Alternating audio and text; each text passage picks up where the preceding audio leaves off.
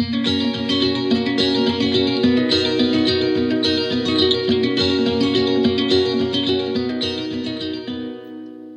til Danske Bankers, podkasten for deg som vil vite hva som rører seg i markedet fra uke til uke.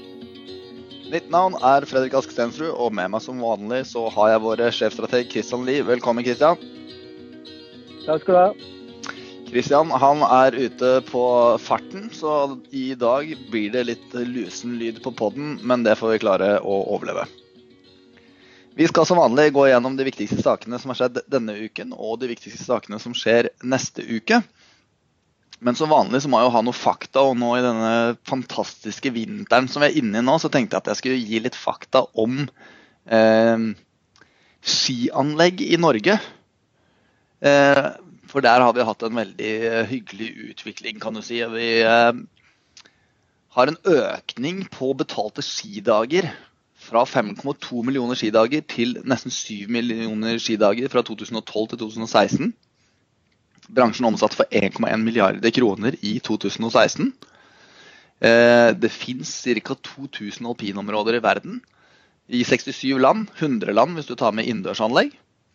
43% av alle skidager i verden de foregår i Alpene, og 11% i Skandinavia. Men så lurer jeg på, Kristian, vet du hvilket skianlegg i Norge som har flest besøk? Jeg tipper Trysil. Det er riktig. Hvem tipper du som nummer to? Eh, Hafjell. Det er nummer tre var Hafjell. Nummer to er Hemsedal. Hems ja. Geilo, og så er det Oslo Vinterpark til slutt. Og Trysil har faktisk nesten dobbelt så mange som Hemsedal. Trysil har også dobbelt så stor omsetning som Hemsedal. Norefjell er ikke på topp fem-lista i det hele tatt. Og på tross av bedre besøk på Geilo enn i Oslo Vinterpark, så har Oslo Vinterpark bedre omsetning enn Geilo. Betydelig bedre. Så da vet du det, Kristian. Men hva er det som har skjedd denne uken her? For det første må jeg bare si at det begynner å bli ganske god spredning i tematikken på faktaene dine. Sist, sist, sist handlet det om multiresistente bakterier osv., så, videre, så dette blir spennende fremover også. Viktig med bred kunnskap, vet du. Ikke sant. Ja, det, det, vi kan legge merke til, er at lufta kanskje er litt i ferd med å gå ut av ballongen i forhold til det nyttårsrallyet som vi har hatt de siste ukene.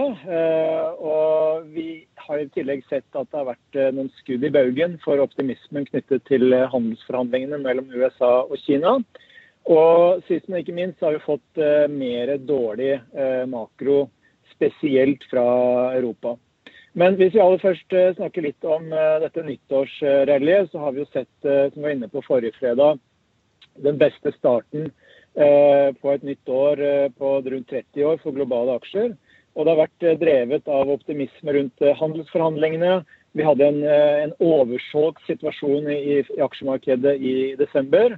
Og vi har også sett denne U-svingen fra den amerikanske sentralbanken som har dempet frykten for et, et, rentesjokk som skal kvele fremgangen. Men fremover så kan det være litt mangel på eh, oppdrift i dette rallyet. Rett og slett fordi at den amerikanske sentralbanken kan ikke bli enda mer forsiktig enn det de allerede har sagt. Jeg tror ikke det er snakk om at de kan begynne å signalisere noen rentekutt. Eh, og ikke minst så ser vi at makrosiden fortsatt er på den svake siden. Og nå den siste siste døgnet så har vi også fått signaler fra Det hvite hus om at handelsforhandlingene ikke nødvendigvis går på skinner. Annet så har den økonomiske rådgiveren til Trump, Larry Kudlow, sagt at det er fortsatt ganske betydelig avstand mellom partene i forhandlingene, spesielt knyttet til dette med immaterielle eiendeler, som heter på fint. Og vi har også sett Trump selv uttale at noe møte med Xi Jinping, altså den kinesiske presidenten, før 2.3 ser ikke ut til å skje. Og Grunnen til at 2.3 er så viktig, det er jo at da utløper de 90 dagene som uh, Trump uh, på en måte har gitt i kineserne i våpenhvile, før han da har truet med å øke tariffene ytterligere. Så at de da ikke skal møtes før 2.3, det øker jo muligheten for at Trump da faktisk kan finne på å, å eskalere handelskrigen før en avtale eventuelt skrives under på. Men Kristian, Ja. Det, det, det, her føler jeg ikke at vi har sett noen særlige reaksjoner på i markedet. Eh, Sist gang vi fikk noen positive indikasjoner fra disse forhandlingene, så så du jo et ganske umiddelbart løft i markedet. Men jeg kan ikke si at vi har sett de store negative reaksjonene på dette. Hva tror du kan være grunnen til det? Eh, jeg er ikke helt enig, fordi at eh, vi så amerikanske aksjer Amerikanske aksjer har falt to dager på rad. Og i går også falt amerikanske aksjer over 1% eller rundt 1% var det vel. Så det er klart at kombinert med økt usikkerhet, spesielt rundt europeisk økonomi, så legger nok dette en liten demper på risikoviljen, i hvert fall i det korte bildet. Fortsatt null på uka? Ja, det er ikke så gærent. Men vi vet jo at det har steget ganske mye i løpet av de siste ukene også. Så helt klart at oppdriften, momentet, begynner å, å bli litt uh, svakere, om ikke annet. Men på makrosiden så var det mest skuffende vi har sett uh, så langt, det, det, er Europakommisjonen som har nedjustert sine vekstforventninger til, til BNP-veksten i eurosonen til 1,3% Vi ser nedjusteringer av tysk økonomi og vi har også sett eh, bl.a. Eh, et vekstanslag for italiensk økonomi nede på 0,2 eh, for året.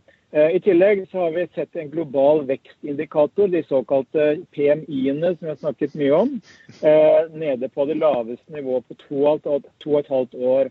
Og selv om vi har fått mye bra fra USA, både de amerikanske PMI-ene, som fortsatt indikerer et helt annet moment enn det vi f.eks. ser i Europa og, og, i Kina.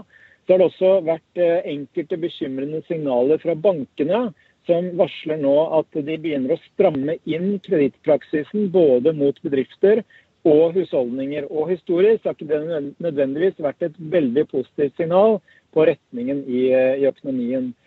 Det tredje som vi også kan ta med i forhold til, eh, til mulige eh, gledesdempere, det er eh, inntjeningsveksten. For vi vet at Selskapenes inntjeningsvekst det er bærebjelken for utviklingen i aksjemarkedet over tid.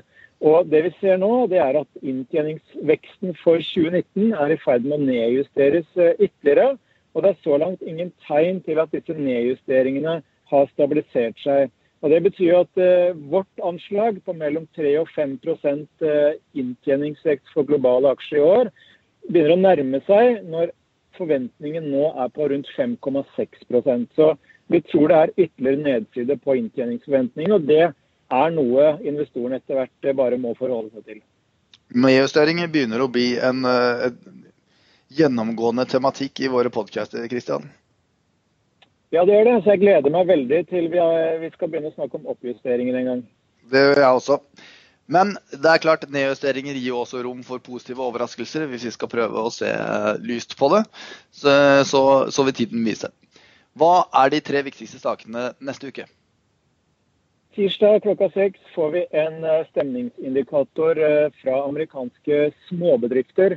Og Litt av grunnen til at eh, den er ekstra interessant nå, det er at vi har sett enkelte svakhetstegn i, eh, i, industrisektoren. Og vi har også sett at lønnsveksten sakte, men sikkert begynner å krype oppover. Vi vet at det er veldig stramt i, i det amerikanske arbeidsmarkedet. og Derfor så blir det veldig spennende å se hva disse bedriftene nå sier. Både om eh, sysselsettingen, om de har tenkt å ansette flere mennesker, om det blir vanskeligere å ansette nye medarbeidere, og om de må by opp lønningene, eller hvordan dette bildet eventuelt kan påvirke inflasjonen fremover. Og På onsdag så får vi nettopp inflasjonstall i USA. Den amerikanske sentralbanken har jo nettopp tatt en U-sving, som nevnt, og blitt langt mer forsiktig i sin, sin, sine forventninger til, til renten fremover. Og Skulle vi få en inflasjonsoverraskelse, enten det er på oppsiden eller på nedsiden, så vil det også kunne påvirke forventningene til hva den amerikanske sentralbanken vil gjøre. På torsdag halv tre da får vi detaljhandelsvekst, også dette tall fra, fra, USA, som igjen da indikerer hvorvidt amerikanske husholdninger fortsetter å bruke penger, eller om de på marginen begynner å bli litt mer forsiktige, i takt med den uroen som vi har sett i finansmarkedene gjennom fjerde kvartal i fjor, denne government shutdown som vi har vært igjennom, og ikke minst eh, handelskrigen. Ikke verst. Det, vi har jo valgt å kjøre den eh, episoden her i dag litt kort, siden det er så sinnssykt dårlig lyd på deg. Eh, jeg skal gi markedsbevegelser de siste fem dager og også oppsummere de tre viktigste sakene for neste uke. Men vi kommer ikke unna aksjeolympiaden allikevel, Kristian. Og du fortsetter å dra ifra. Forrige uke så gikk du short i SMP 500, mens jeg gikk short i Norge. Min posisjon den endte i null, så det er andre uken på rad med eh, ingen bevegelse for min del. Mens din posisjon endte opp 0,6% Og status da etter seks uker er at jeg er opp 0,7% du er opp 11,2% Så da er spørsmålet hva vil du gjøre neste uke? Eh, jeg velger faktisk å, beholde posisjonen, at jeg er da short SMP 500. Det er helt vilt. Altså, man skulle jo tro at en sånn høyt utdanna mann som deg, som uttaler seg som en ekspert fra uke til uke, skulle klare å huske en regel fra en uke til neste. Jeg vet ikke hva du driver med i helgene dine, Christian, men det er i hvert fall ikke godt for korttidsminnet ditt. Men du kan ikke beholde samme posisjon. Du må altså ta en annen. Så hvilken posisjon vil du ta? Ah, dette er vanskelige regler. altså. Da går jeg short i, dags, i Dagsen. Da går du short i Dagsen. Det er jo helt klart at du gjør det. For neste uke skal jeg velge først, for det var jo den posisjonen som jeg vil ha. Men da velger jeg å gå short brikke, faktisk, siden du går i Dagsen. Yes, takk skal du ha, Christian. Jeg oppsummerer markedsbevegelser de siste fem dager. Eh, OECBX opp 0,7% SMP 500 i statene flatt. Eurostock 600 opp 0,3% og oljeprisen ned 0,5% De viktigste sakene i neste uke er en stemningsindikator for småbedrifter fra USA som vi får på tirsdag klokka seks. Så får vi inflasjonstall fra USA på onsdag klokken halv tre. Og så får vi detaljhandelsvekst fra USA på torsdag klokken halv tre. Det var alt vi hadde i Ukens Bankers. Vi høres.